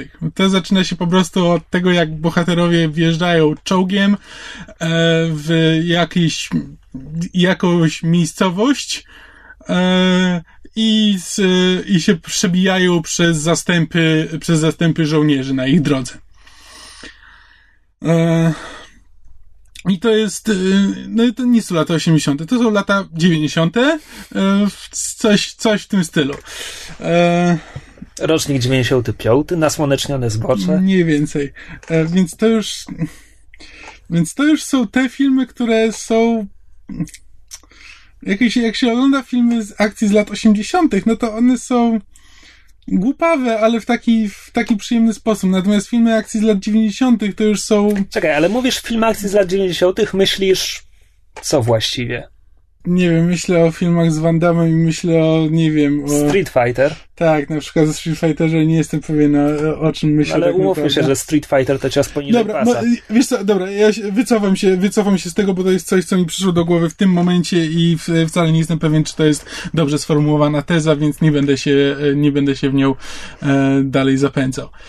Ale fi, film po prostu, to, to nie jest to, że film puszcza oko do widza. Film tłucze widza po mordzie tym, że to są, e, p- że to są aktorzy, których znasz ze, ze swojego tam dzieciństwa, czy tam e, Młodości. z młodości. To jest naprawdę tak na siłę wepchnięte. No, film zaczyna się od tego, że oni właśnie wjeżdżają do tego miasteczka, żeby uratować e, postać graną przez Arnolda Schwarzeneggera. No i pierwsze, co robi Arnold e, po, tym, jak go, po tym, jak go ratują, no to tam wstaje i mówi, że potrzebuje spluwy. Tam wskazuje na jednego z nich, mówi, da, ten, e, ty daj mi swoją broń. E, tam, że zaczyna, że e, ale nie, bo to jest jego i tak dalej. No w każdym razie on, on zabiera, na co tamten mówi, że okay, but, but if it doesn't get, uh, get back to me, your ass is terminated. I to jest, i to jest cały film. Na takiej zasadzie, że to jest, no, że to jest Arnold Schwarzenegger, który grał w filmie e, Terminator, więc teraz postać powie słowo terminated. No i scena potrzebuje twojej tam ubrańców. No tak, To tak. też jest Terminator. Oba Terminatory. I Nie, jest- wszystkie trzy Terminatory. No, To jest łączenie. Ale czwartym nie kropek, było Schwarzeneggera, który by to mówił. Mm, też prawda. to jest po prostu łączenie kropek na poziomie przedszkolaka, no. E, że mamy, tak, dowcip, pojawia się Chuck Norris, więc oczywiście mamy dowcip cz- o Chucku, e, ten, o Chucku Norrisie, gdzie Chuck Norris mówi, gdzie, nie, Sylwester Stallone mówi, że tak, słyszałem, że ugryzła cię kobra. E, no tak, po wielu dniach strasznego bólu kobra w końcu umarła. Same najdę. Coś w tym stylu. I to jest, wiesz, i to jest cały film, gdzie po Słuchaj, prostu bo tak- na tak mi siłę to, Tak mi to wpychają... opowiadasz i na pewna myśl przychodzi mi na myśl. Ja się na tym nie znam, więc mogę No. się mylić. Może trzeba się upalić, żeby obejrzeć ten film. Wiesz co, no, ale to możesz powiedzieć o I'm każdym willing to filmie. experiment. Wiesz, wiesz, po prostu, no sorry, ale to, to naprawdę, to, to nie są, wiesz, to nie są inteligentne żarciki, to nie jest, wiesz, puszczanie oka, bawienie się, bawienie się z widzem, to jest po prostu, no, pranie po mordzie, że patrz, patrz, próbujemy ci, próbujemy wrócić klimat klasyków. Prawdę mówiąc, mam to gdzieś, zupełnie, zupełnie mi ten film nie rusza. Wiesz, w dodatku, wiesz, Bruce Willis, który ma w sumie może 5 minut w tym filmie, w sumie czasu ekranowego, przyćmiewa aktorstwem wszystkich. Przez te 5 minut wiesz, jest w stanie przyćmić aktorstwem wszystkich, a wcale Bruce Willis nie jest aż tak dobrym aktorem, więc... E, no i wiesz, jest parę fajnych scen, jest parę fajnych tekstów. To ja się w sumie nie Ale- dziwię, że wszyscy mówili, że, najlepszą, że na- najlepszym elementem trójki był Antonio Banderas, bo Antonio Banderas jest chyba jeszcze lepszym aktorem niż Bruce Willis. Być może. E, no, mówię, tak. no, Hipotetycznie. są, są, są fajne momenty, ale ani mnie nie interesują relacje między tymi postaciami, których jest na ekranie zdecydowanie za dużo i które nie mają żadnego charakteru poza tym, że są aktorami, którzy ich grają. E, w ogóle mi na nich nie zależy. W dupie mam to, co się dzieje właściwie na tym ekranie. Nie wiem, po cholery oni to wszystko robią. I ten, ten film tak kompletnie nie zrobił na mnie żadnego wrażenia, że prawdę mówiąc nie jestem pewien, czy sięgnę po trójkę. A ja dlatego zaraz- wyłączyłam jedynkę po 15 minutach. Stallone powinien raczej nakręcić kolejnego Rambo. Uff. Tak, a Stallone, Stallone jeszcze ty wkurzył, bo teraz no, że Expendables 3 tam nie zarobiło tak dobrze jak powinno, więc Stallone narzeka na to, że ba, bo, e, bo wypłynęła kopia przed premierą, więc pewnie wszyscy obejrzeli w domu i dlatego film na siebie nie zarabia. Na siebie nie zarabia, bo już ile można k***wa mać kręcić trzy razy to samo, no. Mm, to jest Hollywood. No, To jest Hollywood, ale no, naprawdę jestem w stanie uwierzyć, że na taki film już ludzie po prostu, no, nawet, nawet jeśli mają, nawet jeśli mają jakiś sentyment do tych postaci i tak dalej, to wcale, wcale nie widzę, po co ktoś miałby iść na to do, do kina. Szczególnie, że to jest taki film, który lepiej obejrzeć w domu. Jeśli ktoś lubi te klimaty, coś takiego mogłoby mu się podobać, to i tak by było dla niego lepiej obejrzeć to sobie w domu przed telewizorem ze znajomymi i pośmiać się, napić, nie wiem, cokolwiek, że po prostu traktować to jako, e, jako po prostu coś w tle do pooglądania znanych twarzy na ekranie. Bo tylko tak ten film można traktować moim zdaniem. No dobra, Expendables 2 z się. Chyba mamy już nagłówek na pierwszą stronę. E, to co, to znowu moja kolej? Odbić piłeczkę w tym meczu Mhm. ping-ponga? Ja obejrzałem coś, co się nazywa Loki Brother of Thor. I Jest to fanowski montaż. No bo nie fan film, bo jakby wszystko, co widzimy, jest nakręcone. To, to jest po prostu przemontowany pierwszy Thor, Thor Mroczny Świat i Avengers, tak żeby skupić się na Lokim. A, czyli fanwid. Niech będzie. A... Tylko, że kiedy mówię, że, że to jest przemontowane tak, żeby skupić się na Lokim, to sugeruje trochę większą ambicję niż, niż wykazał się nią twórca tego czegoś, bo, e, bo to jest po prostu, no to są po prostu sceny z Lokim z tych trzech filmów skompilowane w jeden film, który ma 2 godziny 15 minut. Są przebłyski tej ambicji, zaraz do nich wrócę. E, bo autor sięgnął nie tylko po same filmy, tak jak się ukazały w kinach, ale wrzucił tam też parę scen wyciętych, te dodatki z DVD, czy, nie, nie wiem, czy to są sceny wycięte, czy alternatywne. E, jest nawet to przekomiczne, e, te, te, te, przekomiczne nagranie, kiedy Hiddleston był na castingu, ubiegając się o rolę Tora. Więc wykorzystał to jako, jako te m- marzenia Lokiego. E, I to wszystko. mm, I to wszystko jest nam pokazane tak, jak było w tych filmach. W związku z czym końcowy rezultat jest filmem mniej więcej tak jak Wiedźmin był filmem składającym się z pociętych trzech odcinków serial, serialu, tak? No to tutaj mamy pocięte trzy filmy, zbite w jeden. Niespodzianka to nie tworzy filmu, w sensie tam nie ma tam nie ma płynnej narracji. Oglądanie tego wszystkiego było dla mnie i tak w pewien sposób fajne, bo na przykład ja sobie nigdy nie powtarzałem torów, bo za nimi nie przepadam. Więc w sumie już pozapominałem je, więc jakby był to sposób, żeby sobie przypomnieć, e, że tak powiem, w takiej bardziej zgrabnej, zwartej po- postaci. E, Z drugiej strony, to jednak podkreśla, że historia Lokiego spisana w tych filmach nie do końca ma ręce i nogi. Te wycięte sceny, czasami by- byłem zaskoczony, bo ja ich nie, nie znałem, nie oglądałem nigdy wcześniej, więc czasami byłem zaskoczony, że e, naprawiają niektóre rzeczy, które mi przeszkadzały w filmach. Więc jest na przykład wycięta scena z Avengers, która uzasadnia, czemu właściwie Loki daje się złapać i zamknąć w helikarierze, bo z filmu to wcale nie wynika. E, bo w filmie on jakby nic, nic właściwie nie uzyskuje w ten sposób, więc to tam była wycięta scena, która to uzasadniała. Zresztą te wycięte sceny to czasami są takie, z których zrezygnowano dość prędko, więc tam nie ma dokończonych efe- efektów specjalnych, więc jest na przykład rozmowa mm, Odyna z Frygą, która miała być chyba w pierwszym filmie, gdzie oni wychodzą na balkon, e, no i na balkon jest ten, z balkonu jest widok po prostu na Asgard, który wygląda jakby wziął to go z gry komputerowej z 95. Więc to wszystko jest dość ciekawe, tak? No jeśli ktoś jest fanem filmów Marvela, zwłaszcza jeśli tak jak ja nie, nie powtarzał sobie nigdy torów, to mogę to polecić. Natomiast widać, że Ja się upieram, że Loki jest fajnie zagrany przez Hiddlestona, ale on dobrze napisany był dopiero za trzecim razem e, w Mrocznym Świecie. E, bo w to, że ta jego historia nie działa. Na zasadzie pewnym momencie odkrywamy, że Loki zaczyna ten film już jako psychopata. Bo tam jest. Film się zaczyna od tego, że tam, nie wiem, Odyn ma zaprzysiąc Tora jako jego spadkobiercę czy coś takiego, i w tym momencie Asgard zostaje zaatakowany przez lodowych olbrzymów, którzy tam się włamują do zbrojowni, i potem pół filmu później Loki mówi, tam Loki rozmawia z, ze swoim ojcem, tak, uwaga, spoiler, e, i właśnie ten lodowy olbrzym się domyśla, że, że to on wpuścił jego żołnierzy do Asgardu, na co Loki odpowiada That was just a bit of mischief. To, to był taki psikus. Tylko, że w tym psikusie zginęli ludzie. No to Loki jest psychopatą, No przepraszam. nie no, Loki to jest Bóg Trickster, no jakby to jest... Inaczej, dla mnie Loki w pierwszym filmie a jest tym bogiem tricksterem, a przynajmniej tak zaczyna, potem jest to wielkie buchu, jestem adoptowany, jaki to jestem smutny i biedny, nikt mnie tak naprawdę nigdy nie kochał.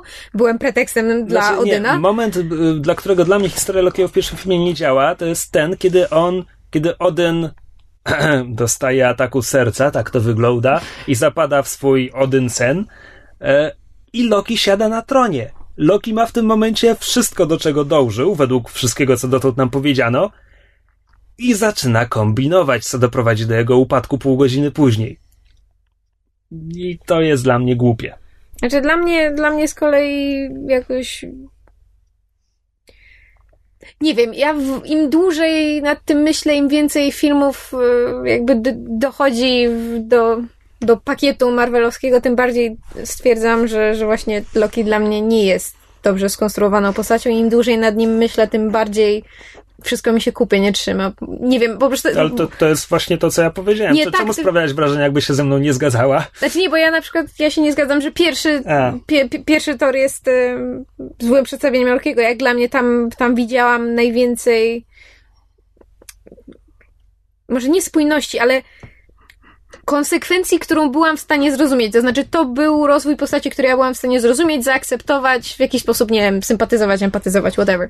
A potem to już jest takie dziwne skakanie po różnych cechach Lokiego, jakby też z różnych um, chcę powiedzieć, z różnych mediów, no bo mam wrażenie, że twórcy czerpali też elementy i, i z mitów, i z innych interpretacji postaci Lokiego, i z innych postaci w ogóle bogów, tricksterów. I jakoś tak co było w dwójce, nie komponowało mi się z jedynką, a potem trójka mi się jeszcze bardziej nie komponowała z dwójką i z jedynką, więc to może ja w sumie powinnam obejrzeć ten, ten fan, fan vid, czy tam fan montaż i, i zobaczyć, czy może te ułożenie tego w jednym ciągu mi coś pomoże. No, ja na niego trafiłem na IO9, ale jak słusznie zauważyli komentatorzy z IO9, e, to cud, że on jeszcze utrzymuje się w internecie, bo umówmy się, to wszystko jest materiał należący do Marvel Studios i Wiesz, tak, ale może ta- to jest w takim krytyczny stanie, komentarz. w którym nie bardzo, wiesz, no Oj. jest, możesz sobie... Zdziwiłbyś się, biorąc pod uwagę, że były akcje na przykład jak e, zdejmowano e, parodie, w sensie stricte parodie, bo parodia to jest jakby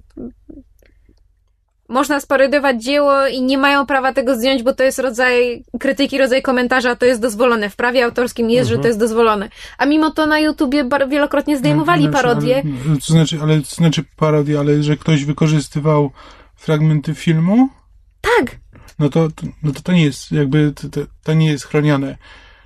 Chroniona jest jakby parodia, jeśli robisz, jeśli nagrasz na Nie, przykład krytyczny swoją komentarz, krytyczny komentarz, który wytyka błędy i w jakiś sposób próbuje analizować, jest dozwolony, dlatego vlogerzy, którzy recenzują filmy, mogą wstawiać fragmenty na zasadzie, a tutaj powinno być inaczej, tu był błąd, tu coś Znaczy, tam. no tak, krytyka. Jeśli, e, jeśli No a- recenzujesz... Słuchaj, dobry prawnik mógłby argumentować, że złożenie tego wszystkiego w jedną całość to jest... Nie, nie, bo jeśli, jeśli, Ja jeśli wiem. coś recenzujesz, jeśli e, recenzujesz i jako ilustrację do tego, o czym mówisz, wrzucasz fragment filmu, masz do tego prawo.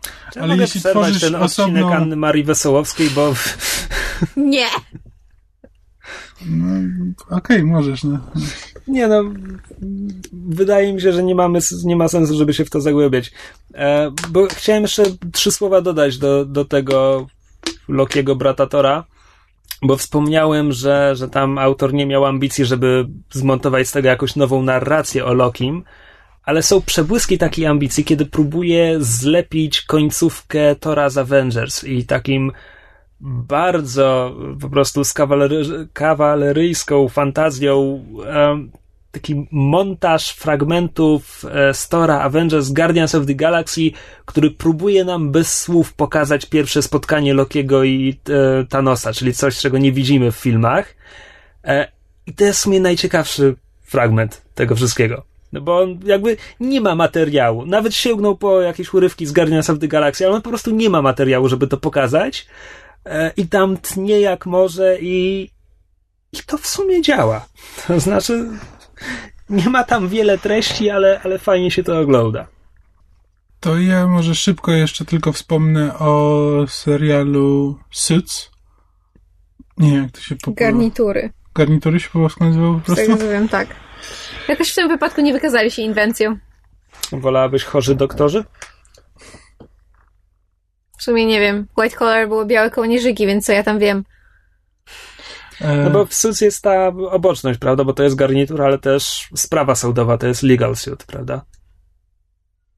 Znaczy, nie, po prostu na, Suits się mówi na właśnie na ludzi, na, na prawników. To jest po prostu określenie, którego się używa Potrójne. na, nie wiem, prawników, producentów i jakby ogólnie nawet w Hollywood, jakby przy, wszyscy ci producenci i ludzie wytwórni to są Ludzie noszący Suits. garnitury. No tak, no jakby ci, którzy, tak, ci, którzy nie tworzą, ale tam administrują.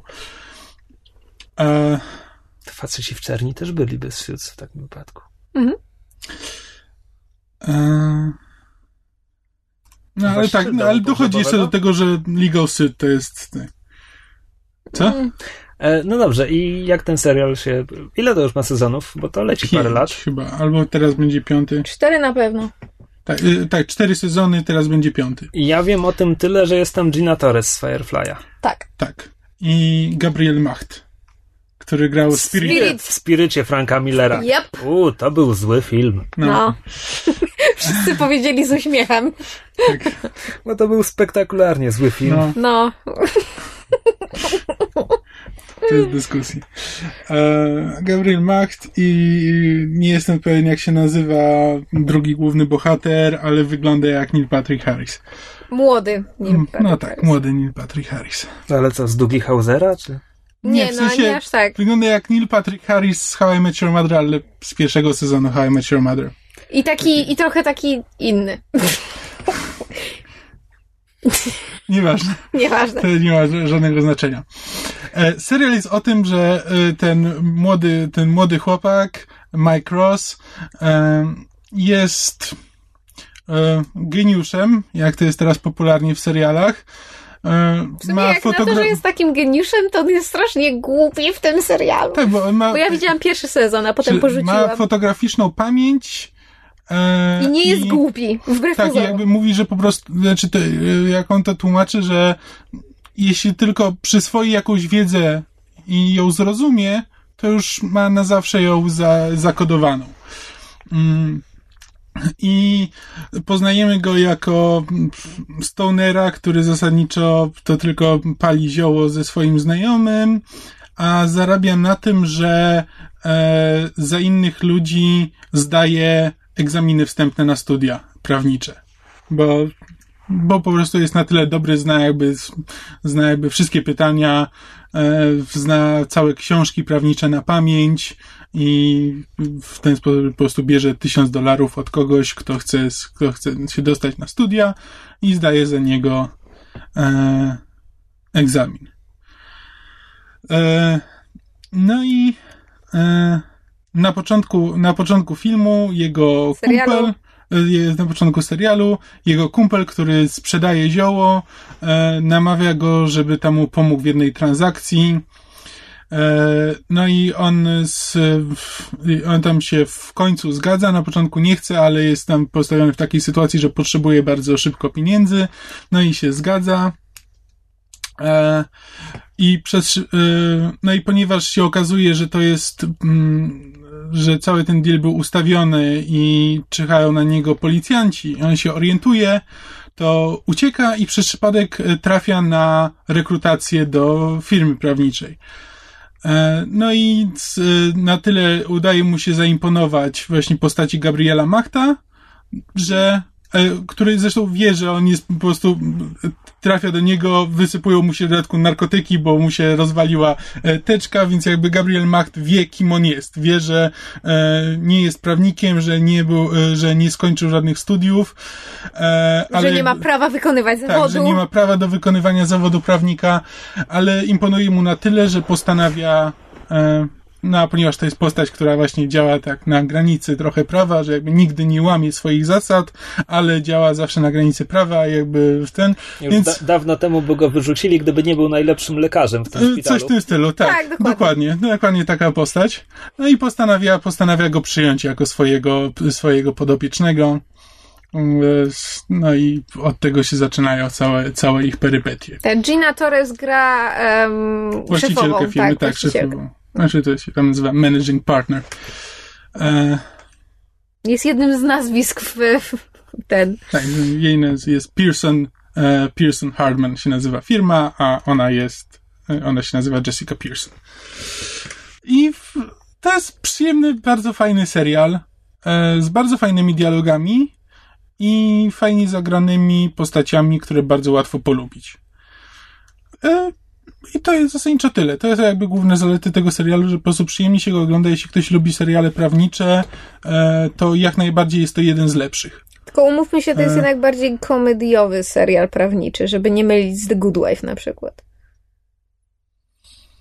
Znaczy, Znaczy to jest Znaczy, kom- są- komediodramat. Znaczy, no, jest komediodramat, jest tam dużo zabawnych dialogów, ale to nie jest na przykład, y, na przykład, jakbyśmy porównali do Franklin i Bash. Nie no, Franklin który Bash jest to jest, właśnie- to jest stricte komedia No i jeszcze właśnie. nazwałabym to nawet takim... E, Mysz kiedyś Chyba. wspominała o tym serialu w podcaście, ale no, to jest taka komedia, która jakby nie przejmuje się tym, jak działa prawo, tylko jest przede wszystkim komedią o prawnikach. tak, ja bym to nazwała takim s- studencka komedia, to znaczy po prostu to, to jest dwóch kumpli od lat, którzy zachowują się jak właśnie tacy em, ten college douchebags i przy okazji są prawnikami.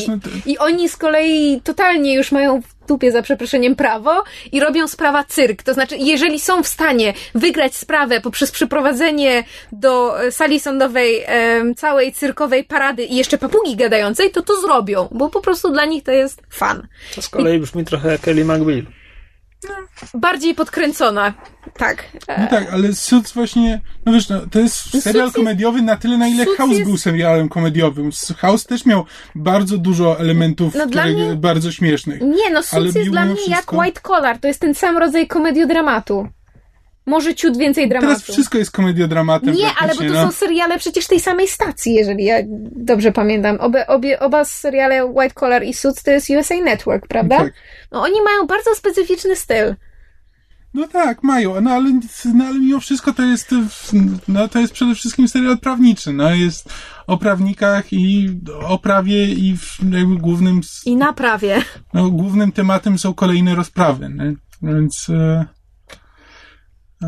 to już jest kwestia tego, no, na ile co się koło, dla kogo bardziej liczy. Słuchajcie, a może ten blond aktor to najbardziej przypomina Nila Patricka Harrisa ze Starship Troopers? Właśnie nie. Właśnie o to chodzi, że on nie przypomina młodego Nila Patricka Harrisa, takiego jakim on był, tylko jak teraz spojrzysz na Nila Patricka Harrisa, zapomnisz jak on naprawdę wyglądał i spróbujesz sobie wyobrazić, jak on mógł wyglądać, kiedy był młody, to tak wygląda ten aktor. A, dobra, okej. To teraz potrafię to sobie wyobrazić, wciąż nie wiem o kim mówisz.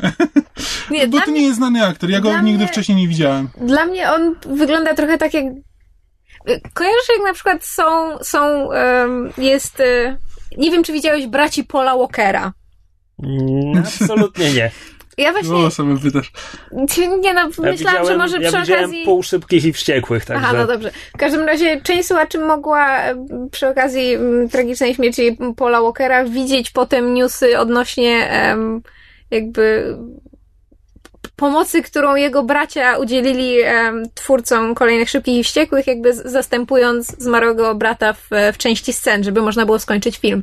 I to jest śmieszne, dlatego że oni są do niego tak drastycznie niepodobni, a jednocześnie mają zbliżone rysy. On się nazywa Patrick J. Adams. O właśnie, dokładnie. Jak jeden z nie, nie do końca widać tak po prostu, jakby po twarzy, tylko po prostu w, w mimice i w sposobie jakby... No i właśnie dla mnie on wygląda, ujęciach. on wygląda jak totalnie niepodobny brat Patryka Harrisa, a jednak widać wspólną jakąś...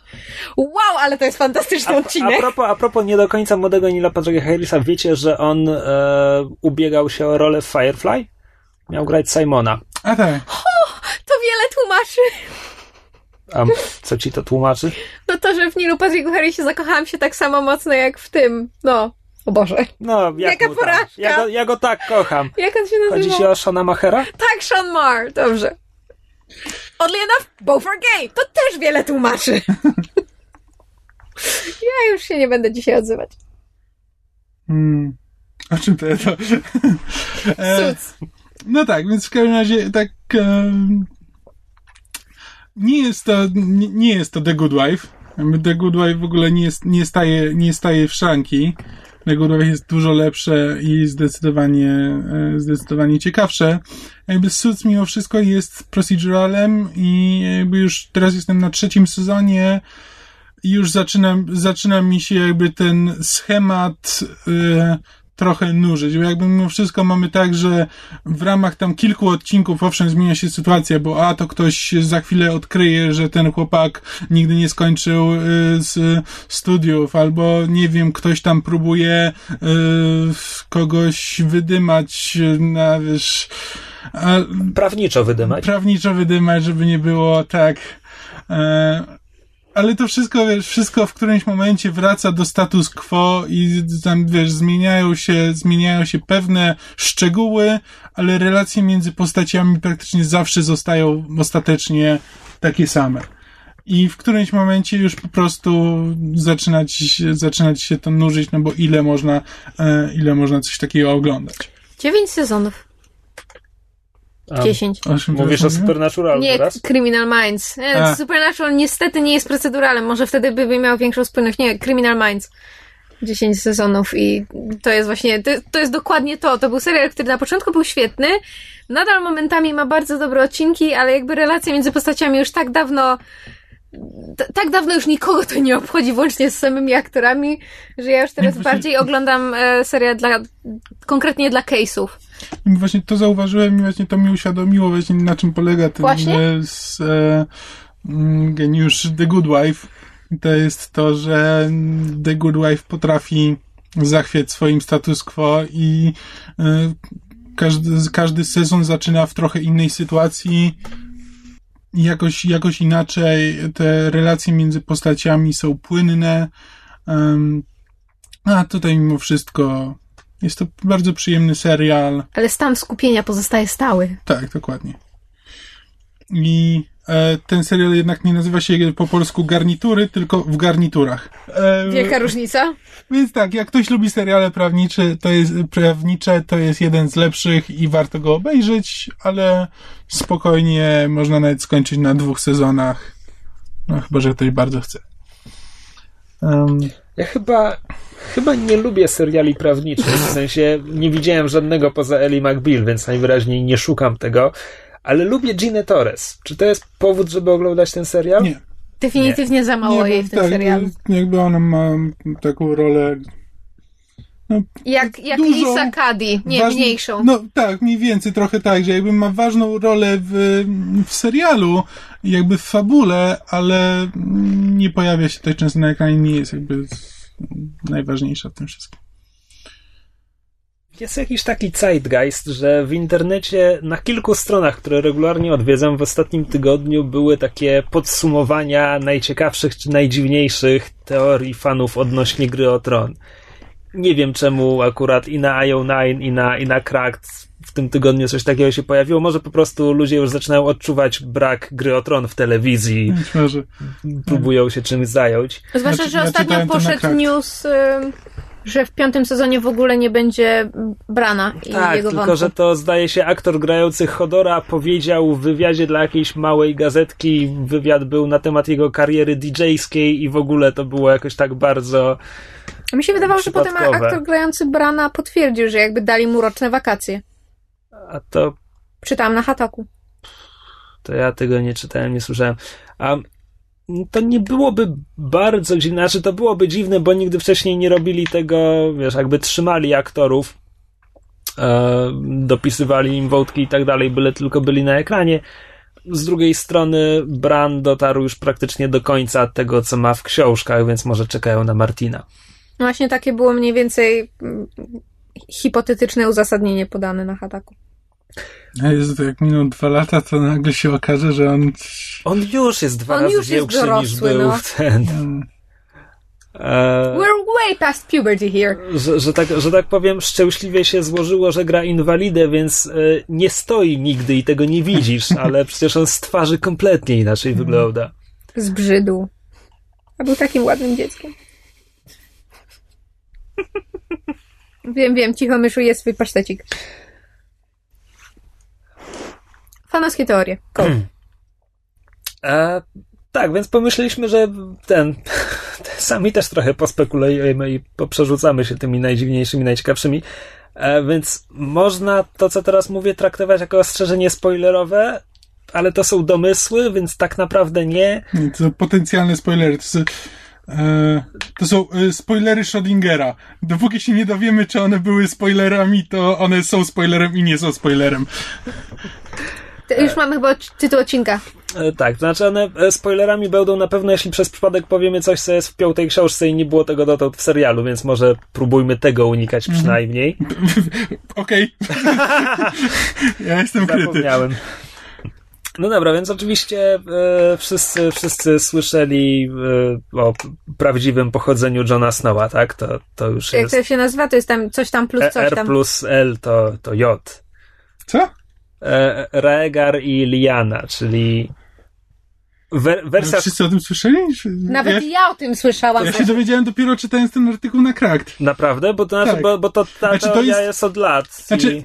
jakby słyszałem teorię o tym, że na koniec, e, że mm, Jon Snow i e, Daenerys Targaryen się e, wyjdą w, za siebie, się pobiorą i będą królować nad siedmioma królestwami, A ale to by nie było nie jakieś kazirodztwo trochę? Znaczy, No tak, abstrahując... ale właśnie, ale właśnie o to chodzi, że Targaryenowie zawsze uprawiali A, kazirodztwo. A poza tym w Ale tym nigdy świecie... nie słyszałem uzasadnienia dla tej teorii. Jakby dla mnie zawsze słyszałem tę teorię na zasadzie, że tak Dobrze. mogłoby się skończyć, To ale nie czemu to jest, y, czemu to jest prawdopodobne. Ponieważ część naszych słuchaczy prawdopodobnie, tak jak ja do niedawna, nie miała pojęcia o teorii R plus L równa się J, to może wytłumacz pokrótce. Um, no dobra, znaczy to, to, jest, to jest tak bardzo podsuwane przez Martina, że nawet ja po prostu czytając książki, nie, nie doszukując się niczego, nie spekulując, tylko ze zwykłej lektury wywnioskowałem, że to ku temu prowadzi. A mamy powiedziane, że John jest synem y, Shona Bina z nie wiadomo kim, tylko że tam Sean Bean nigdy mu nie mówi prawdy i tak dalej. Więc teoria jest, że on wcale nie jest synem Eddarda Starka, tylko jego siostry Lianny, tej, z którą Robert, czyli król i e, nominalny ojciec Joffreya i, ba- i spółki. Robert miał wziąć Lianę za żonę. They were Tyl- betrothed. Tak, tylko mu ją zły Targaryen, Rhaegar Targaryen porwał, co było bezpośrednią przyczyną jego rebelii i obalenia Targaryenów. No i historia, którą poznajemy jest taka, że Rhaegar ją porwał, prawdopodobnie zgwałcił i Eddard przybył za późno, żeby ją uratować. Znaczy jeszcze się spotkali, ale ona już konała. Tak, i ona ostatnim tchem wymogła na nim obietnicę, że zajmie się Johnem i Nie, nigdy mu tego nie zdradzi. nie. Czy jakoś tak znaczy, to Znaczy, to, to już jest teoria. A, W sensie to już jest teoria fanów, bo w książkach jest tylko tyle, że mamy w rozdziałach Neda, on wspomina to, jak ją widział na łożu krwi I i, z- jej ostatnie słowa do niego to obiecaj mi Ned. tak. I nigdy nie jest wprost powiedziane, co miał jej obiecać. No i fanowska teoria poparta przykładami, wiesz, z, z, z wizji, które Daenerys ma w swoich rozdziałach. Po prostu ludzie wyszukali widziałam w tam, takich tak. rzeczy, o których ja kompletnie to jest bym na naprawdę to nie wpadł imponujące dla mnie. e, właśnie wnioskują, że prawda jest taka, że e, John jest dzieckiem Lianny i Raegara, plus tam są przesłanki, żeby domniemywać, że to okej, Raegar być może porwał Lianę, ale za jej zgodą, bo oni się naprawdę kochali i to miał być szczęśliwy związek, tylko nie wyszedł i doprowadził do wojny. E, Bo to gra o tron jest. Nikt nie chce spać z Robertem, biedny Robert. Biedny Robert. A ja tak lubię tego aktora, który go grał. E, no i to, by, i to by czyniło z Johna Targaryena, a Ned dotrzymał obietnicy również dlatego, że e, krótko po rebelii polowano na Targaryenów, w tym takich malutkich. E, no więc Jon Snow miałby być Targaryenem. Tu oczywiście pojawiają się drobne problemy, to znaczy Targaryenowie mają te dziedziczne cechy, te platynowe, blond, srebrne włosy, fiołkowe oczy i tak dalej, których Johnowi Snowowi trochę brakuje, ale to się wyjaśnia, że przecież te ciemne włosy są mocniejszym genem i tak dalej. E, Jeszcze jedno, właściwie jak Ned wyniósł w ciągu walki małe dziecko i... Jakiej walki? Znaczy, no, Nie, bitwy. nie, nie, nie, bo Rhaegar jak porwał Lianę, to ją zamknął w wieży zwanej Wieżą Radości, która była diabli wiedzą gdzie, po czym pojechał bić się z Robertem i zginął od Robertowego młota, a Eddard ze swoimi kumplami pojechał do Wieży Radości i pod Wieżą Radości stało trzech rycerzy Gwardii Królewskiej. To jest kolejna przesłanka, bo gwardziści królewscy powinni być z królem, ewentualnie mogą chronić kogoś królewskiej krwi. Dziecko Lianny. E, I e, Ed i kumple wymordowali tych gwardzistów. Przeżył to tylko Eddard i Howland Reed, czyli ojciec Miry i Jojena, czyli tych kumpli Brana. Wow, I ale łączy. Howland Reed jest wielkim nieobecnym. W sensie my o nim wiemy. Wiemy, że on wciąż żyje i jest ostatnią osobą, która zna prawdę, Ale jeszcze go nie ale on się nigdy nie pojawił. Nice. No. No. E, A, no i więc, więc to na była po prostu, więc to była po prostu wieża, w której była Liana i ja martwi. Właśnie strażnicy. o to chodzi i to są szczegóły, A jak- których ja jakby kompletnie, wiesz, z książki zupełnie nie pamiętałem, dopiero czytając ten artykuł. A ja mam pytanie, bo to jest powiedziane, że Eddard mm, znalazł Lianę umierającą. Nie wiemy od czego, ale założenie jest childbirth. No tak, założenie, że zmarła w, po, w Połogu. połogu.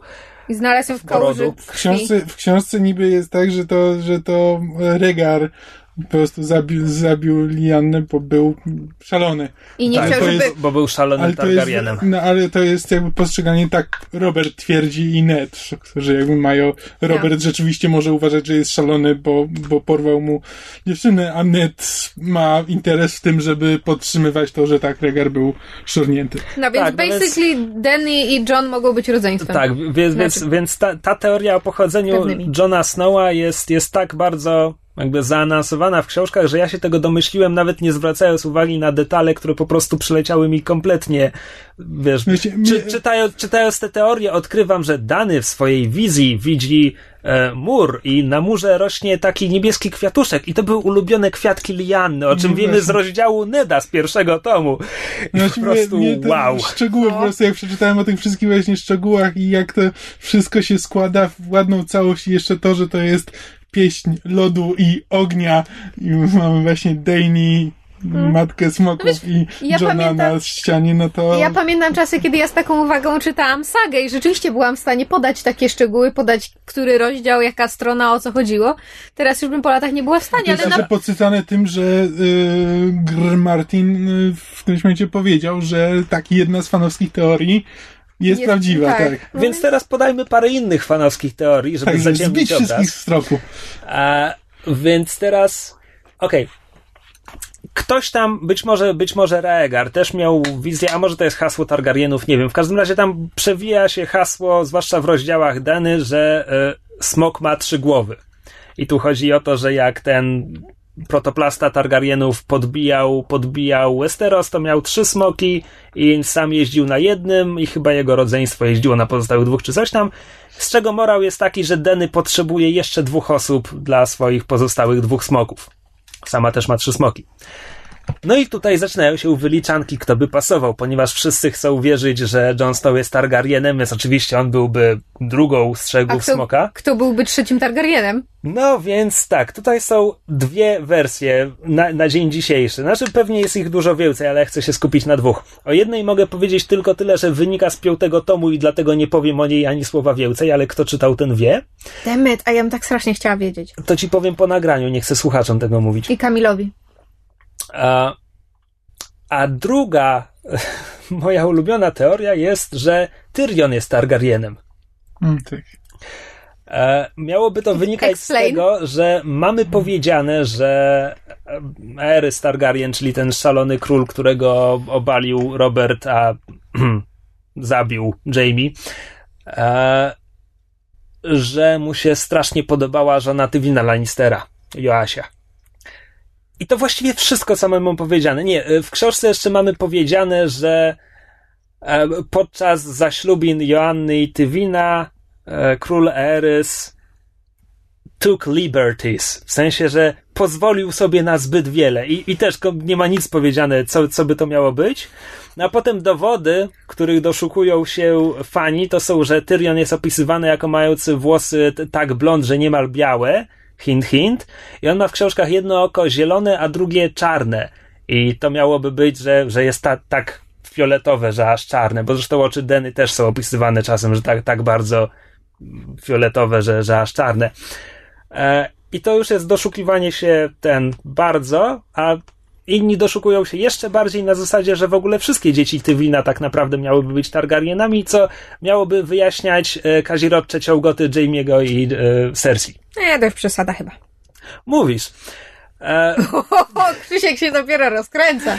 E, tak, bo potem kolejne, kolejne teorie są coraz głupsze. Oh, please tell me more. Jedna z moich ulubionych to jest taka, że Varys jest mermenem. Kim? Że jest e, żaboludziem. żaboludziem, tak. A, że jest, syrenem? Tak, że jest istotą z głębin. No. No błagam, niech to będzie prawda. Znaczy, bo tam w książce, że w książce jest opisywany właśnie, że ma e, slimy skin. E, oślizgłą skórę. Tak, że oślizgłą skórę i że jak ktoś tam, e, już nie pamiętam kto, ale że ktoś tam mu grozi, że ma ochotę go wrzucić do morza i utopić, to że o, mógłbyś się zdziwić, jakie by były efekty. Tak, i to, i to właściwie jest cała tak, podstawa tak, do teorii. Cała, cała teoria, ale że na podstawie tego ktoś stwierdza, że on jest żaboludziem. Znaczy, ja na podstawie, ty, ty, potem dopiero tak się zastanawiając, że, wiesz, że okej, okay, to jest rzeczywiście dziwna rzecz do powiedzenia, że mógłbyś się zdziwić, e, jakie efekty. Ja jedyne, co mogę wymyślić, e, w tym momencie mi przyszło, jak sobie, e, jak o tym mówiłem, że może Warys jest w jakiś sposób spowinowacony, dobrze używam tego słowa, tak. z, e, z Greyjoyami. Że jest, nie wiem, że jest wyznawcą z, e, tego Boga z głębin i dlatego jakby nie boi się, nie boi tylko się morza. Ja nie wiem, ja nie wiem, czy ta kwestia pada w książkach. Bo A, że to może być tylko... Z... Widziałem to um, zobrazowane sceną z serialu, to Tyrion mówi do, mhm. do Warysa. Nie wiem, czy to pada w książkach, więc może, może nie być miarodajne. Mhm. E, druga, bardzo podobna, miałaby być taka, że Roose Bolton jest wampirem. Oh, I love that. E, bo on w książkach ma jakąś obsesję na punkcie pijawek i jest opisany, opisywany, że ma niemal martwą twarz, w sensie prawie zero mimiki, że tylko oczy mu się poruszają. E, I, i że jeszcze w książkach, że mamy że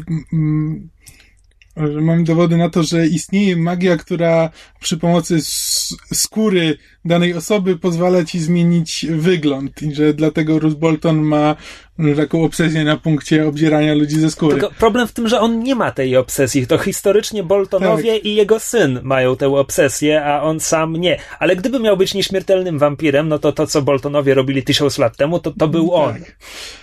On. Ja tutaj bardziej uważam, że to jest raczej nawiązanie po prostu popkulturowe, że Martin po prostu lubi sobie tak to znaczy, nawiązywać, to, że tworzyć to, takie... Jest to uroczo głupia teoria, ale w jej opisie spodobało mi się odniesienie, że ponieważ Martin na swój sposób rozgrywa wilkołaki poprzez wargów, mhm.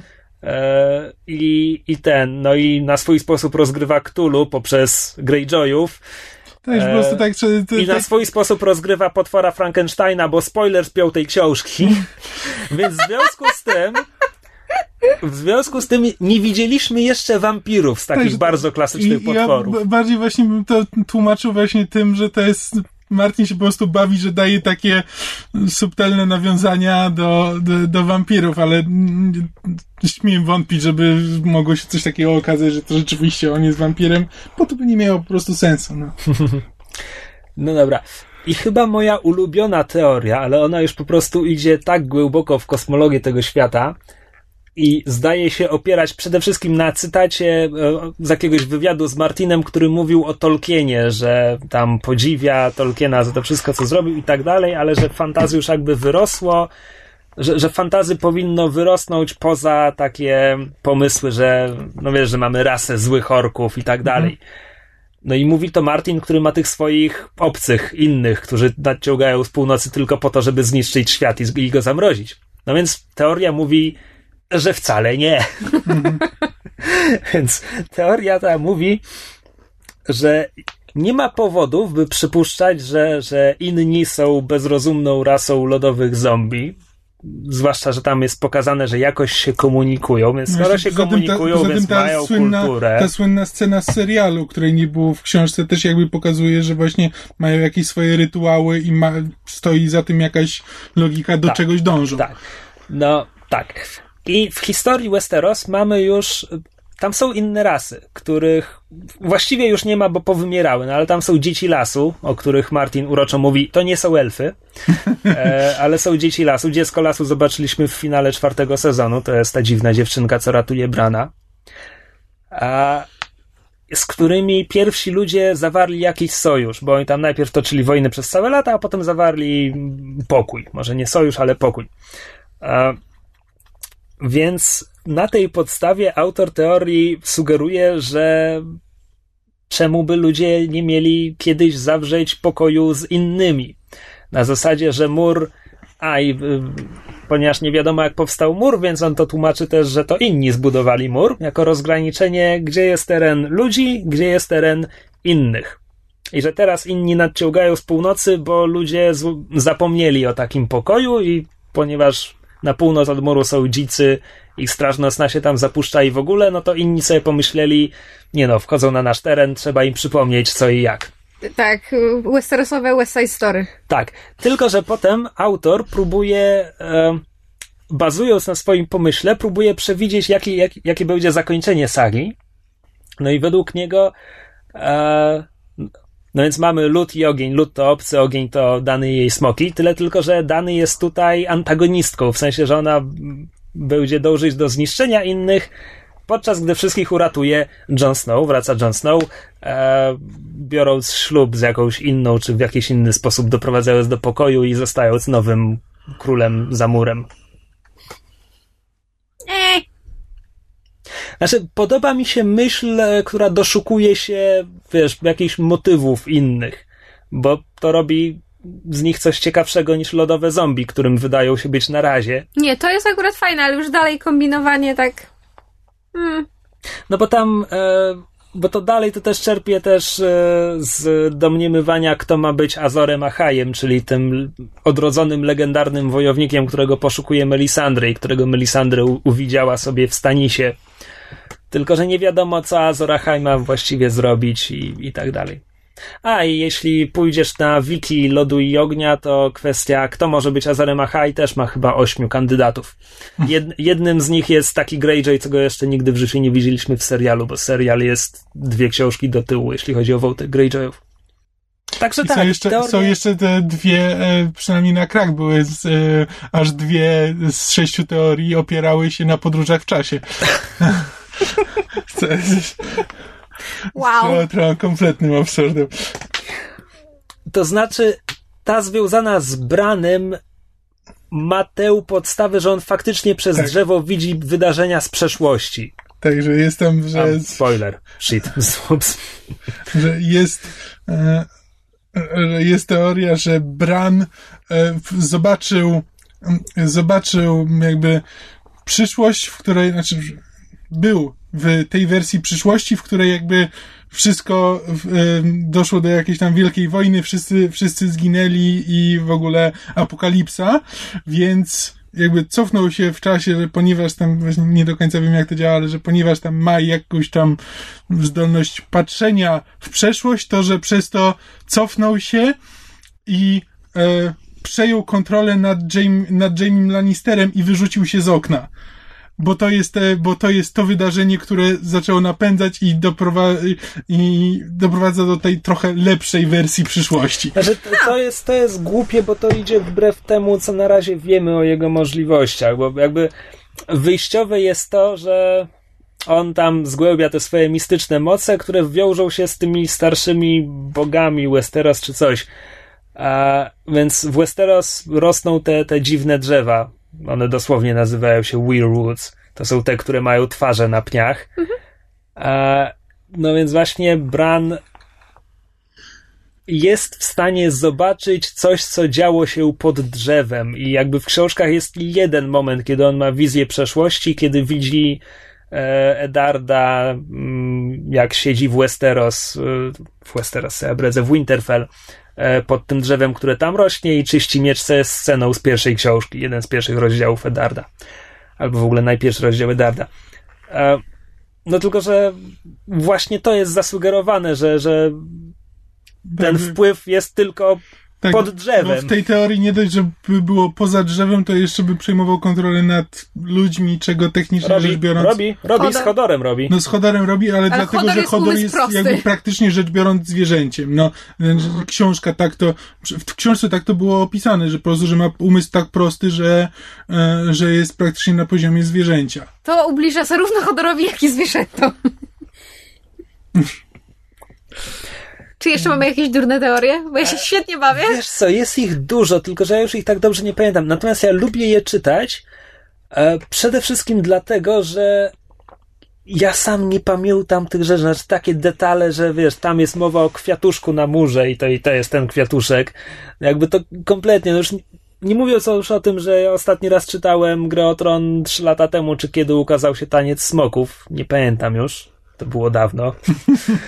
A, więc lubię je czytać, bo tam właśnie ktoś czepia się jednego zdania z jednego rozdziału, z jednego tomu i na tej bazie buduje. Ja też to lubię patrzeć, jak działają umysły ludzi. A, e, e, Ja lubię jeszcze e, teorie takie spiskowe, dlatego że to potem jakby, e, że okej, to jest głupie, ale może na przykład, ale sam zaczynasz myśleć, że okej, to, to mi się nie podoba, bo to nie działa, ale no tak jak na przykład z tym Warysem, że okej, dla mnie wiesz, historia, że on jest, może być Mermanem, no ale co właściwie, że jakby był, gdy, jakby był związany z Greyjoyem, no to jakie to by miało ten, i co by mogło się wtedy stać, bla bla bla bla. Parę lat Zaczynasz temu- sobie myśleć o różnych dziwnych rzeczach. parę lat temu popularna była teoria, że Varys jest, uważajcie, Targaryenem. Że się goli na łyso, żeby mu te platynowe blond włosy nie odrosły. To chyba była główna przesłanka. E, Bardzo jeszcze lubię teorię, która e, nazywa się Południowe Ambicje, tylko że to już jest. Ona nie jest taka zabawna, tylko to jest faktycznie głębokie spojrzenie w historię Westeros, e, która, która głosi, że jakby co naprawdę stało za wybuchem wojny domowej, tam rebelii przeciwko Targaryenom, że okej, może porwanie Lianny było tym zapalnikiem, ale że tak naprawdę chodziło o coś zupełnie więcej i to się cofa w czasy e, ojca Edarda, czyli Brandona Starka. E, I to się opiera na tym, że to, że, to, że Eddard i, i Robert e, potem próbują ten doprowadzić do, do małżeństwa między, między Sansą i jo, Joffreyem, żeby związać te, te rody, ponieważ nie udało się z Robertem i Lianą i, i w ogóle, że te wielkie rody się ze sobą koligacją, stoi w sprzeczności z tym, jak te wielkie rody zawierały małżeństwa historycznie, że wielkie rody się nie krzyżowały w ten sposób, nie licząc Martelli i Targaryenów, tylko zazwyczaj szukali sobie żon pośród własnych wasali Mhm. historycznie. No więc to jest dziwne, kiedy tam mamy nagle takie, takie śluby, że ten John Arryn wyszedł za siostrę Caitlin, Caitlin wyszła za Starka, e, Robert miał wyjść też za Starkównę i tak dalej, i tak dalej, że to jest dziwne.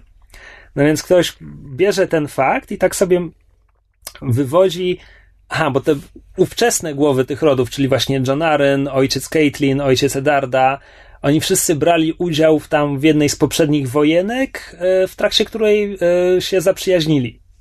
I potem utrzymywali bliskie, bliskie kontakty, więc, e, więc Brandon Stark miał dążyć do, te, do zawiązania takiego gigantycznego sojuszu. Tam ktoś to policzył, to było pięć tych wielkich rodów, po to, żeby wywrzeć presję na Targaryenów, żeby tam no, ich zreformować i żeby nie obsadzali więcej szaleńców na tron. Ale to, że Varys mógłby być Targaryenem, to ma jakiś sens. Na przykład pod tym względem, że e, jakby motywacje Varysa nie są jasne.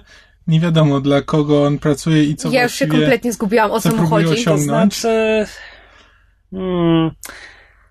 Varys najprawdopodobniej jest autentycznie lojalistą Targaryenów, tyle tylko, że przy okazji realistą, w sensie dlatego obrócił się przeciwko Erysowi. E, ale... No tak, ale no właśnie o to mi chodzi, że on jakby, że gdyby on był Targaryenem, to by znaczyło, że na przykład, że dąży do e, on jest trzecim smokiem! E, do osłabienia królestwa na tyle, żeby Dani mogła tam spokojnie to znaczy, wejść. To jest coś, co on na, pe na pewno robi. No właśnie, bo, ale jakby twist mógł być taki, że on to robi jakby dla siebie, bo, bo mm. jest starszy i nie wiem, może ma jakiś tam claim do tronu większy niż e, Dany. Kiedy mówię, że on jest lojalistą targaryenowskim, to nie jest spoiler, bo bardzo, no nie, nie bardzo, to jest łatwe, jak się czyta książkę, ale uważny czytelnik albo bardzo, ale to już naprawdę bardzo uważny widz, dostrzeże, że Arya podsłuchuje Warysa i e, magistra Illyrio, który, którzy mhm. spiskują w komnatach pod, pod e, królewską przystanią e, w pierwszym tomie, w pierwszym sezonie. Tylko, że Cholera, czytałam. to jest scena z perspektywy Ari, więc ona nie rozpoznaje głosów, nie wie o co chodzi, ale jest mowa właśnie o chyba chyba rozważają wtedy, czy, czy przypadkiem nie trzeba by zabić Edarda, który właśnie został rełką. Czy Ale to, to jest, to, to jakby znalazła... pokazuje, że Varys spiskuje z Illyrio. Illyrio to jest gość, który pomógł Viserysowi zawrzeć sojusz e, z tymi tam, no, od koni. Mongołami. E, to nie była taka scena, kiedy ona znalazła szkielet smoka? tak. To to. No to właśnie to. wiedziałam, że tkwi, utkwiło mi w pamięci. Więc nie pamiętam, jak to było pokazane w serialu. W książce to jest opisane naokoło, ale także można się domyślić, znaczy, że mam wrażenie, że w serialu to było bardziej bezpośrednio, bo dla mnie na przykład to, co Kamil powiedział, znaczy, przepraszam, to, co ty powiedziałeś, że, że Varys jest lojalistą Targaryenów, po czym jakby wiemy, dla mnie to nie było odkrycie, dla mnie to było oczywiste, co znaczy, że ja musiałam to wywnioskować oglądając serial lub czytając książkę, bo ja skończyłam na pierwszym tomie książki. No właśnie. Tylko no. wszystkie kwestie związane z Targaryenami komplikuje jeszcze to, Że ich jest więcej. To znaczy nie Targaryenów, ale jest taka boczna gałąź, e, którzy się nazywają Blackfire. I historycznie ci Blackfire'owie próbowali odbić tron Targaryenom, i w końcu skończyło się to tym, że y, ci, którzy przeżyli, zostali wygnani za morze, czyli właśnie do Essos. No i w Essos są ci potomkowie Blackfire'ów, którzy wciąż się poczuwają i do swoich praw do tronu i tak dalej. E, w związku z czym teraz masz właściwie bliźniacze teorie do większości, które mówią ci, że Varys jest Blackfire'em e, i, w parę I innych tak dalej, postaci. tak dalej. Tak, tak, tak. Jasne. No. Nieźle sobie to Martin wymyślił. A to na zakończenie to już nie jest teoria spiskowa, ale też dzisiaj, e, dzisiaj przeczytałem e, artykuł o tym, że e, kiedy jest scena w ostatnim, w ostatnim sezonie, e, gdzie Dany oblega obleża, oblega miasto, oblega. E, to tam wypada, wypada ten czempion miasta na nią i zaczyna ją lżyć. I coś to, szprecha po ich niemu. Tak, szprecha po waleriańsku. E, co te służka, e, służka Dani tam tłumaczy, że e, jakieś tam obelgi pod, pod adresem Unsullied, że są kobietami i tak dalej. Natomiast ludzie znający tam znający albo uczący się waleriańskiego, mniej więcej ten sam typ ludzi, którzy uczą się klingońskiego. Dla jaj. Bo, bo to jest język, który jakby twórcy stworzyli, rzeczywiście jakby istnieje, tak, ale, ma swoją ale tam... tylko twórcy serialu. Martin się nigdy nie bawił w konstruowanie nie, języków. Tylko, tylko twórcy serialu, ale jakby ten język jest i jakby istnieją strony, które się jakby zajmują właśnie studiowaniem waleriańskiego. Te, y, zauważyli, że że coś nie tak przetłumaczyła ta służka, bo e, ten czempion krzyczy tak naprawdę e, twoja matka była chomikiem, a twój ojciec śmierdział z kisłymi jagodami. Co jest cytatem prosto z, z Monty Pythona i Świętego Grala. Jak, jak Kamil mi to opowiedział, to ja myślałam, że padnę. Zresztą e, potem w, w, tym samym odcinku pod koniec, kiedy e, Davos e, uczy się czytać, to właśnie czyta e, nie, nie jest w stanie przeczytać słowa night e, i czyta kini, e, kinit, co też jest nawiązaniem do Monty Pythona i Świętego Grala. No. To bardzo ładne. I tym wesołym akcentem kończymy na dzisiaj. Słyszymy się w przyszłym tygodniu. Do usłyszenia. Do usłyszenia. Do usłyszenia. Słuchaliście podcastu Myszmasz. Możecie nas znaleźć na myszmasz.pl lub polubić nasz fanpage na Facebooku. Możecie nam także wysłać maila na myszmaszpodcast.gmail.com Jeśli do nas napiszecie, będziemy szczęśliwi jak świnia w meleksie.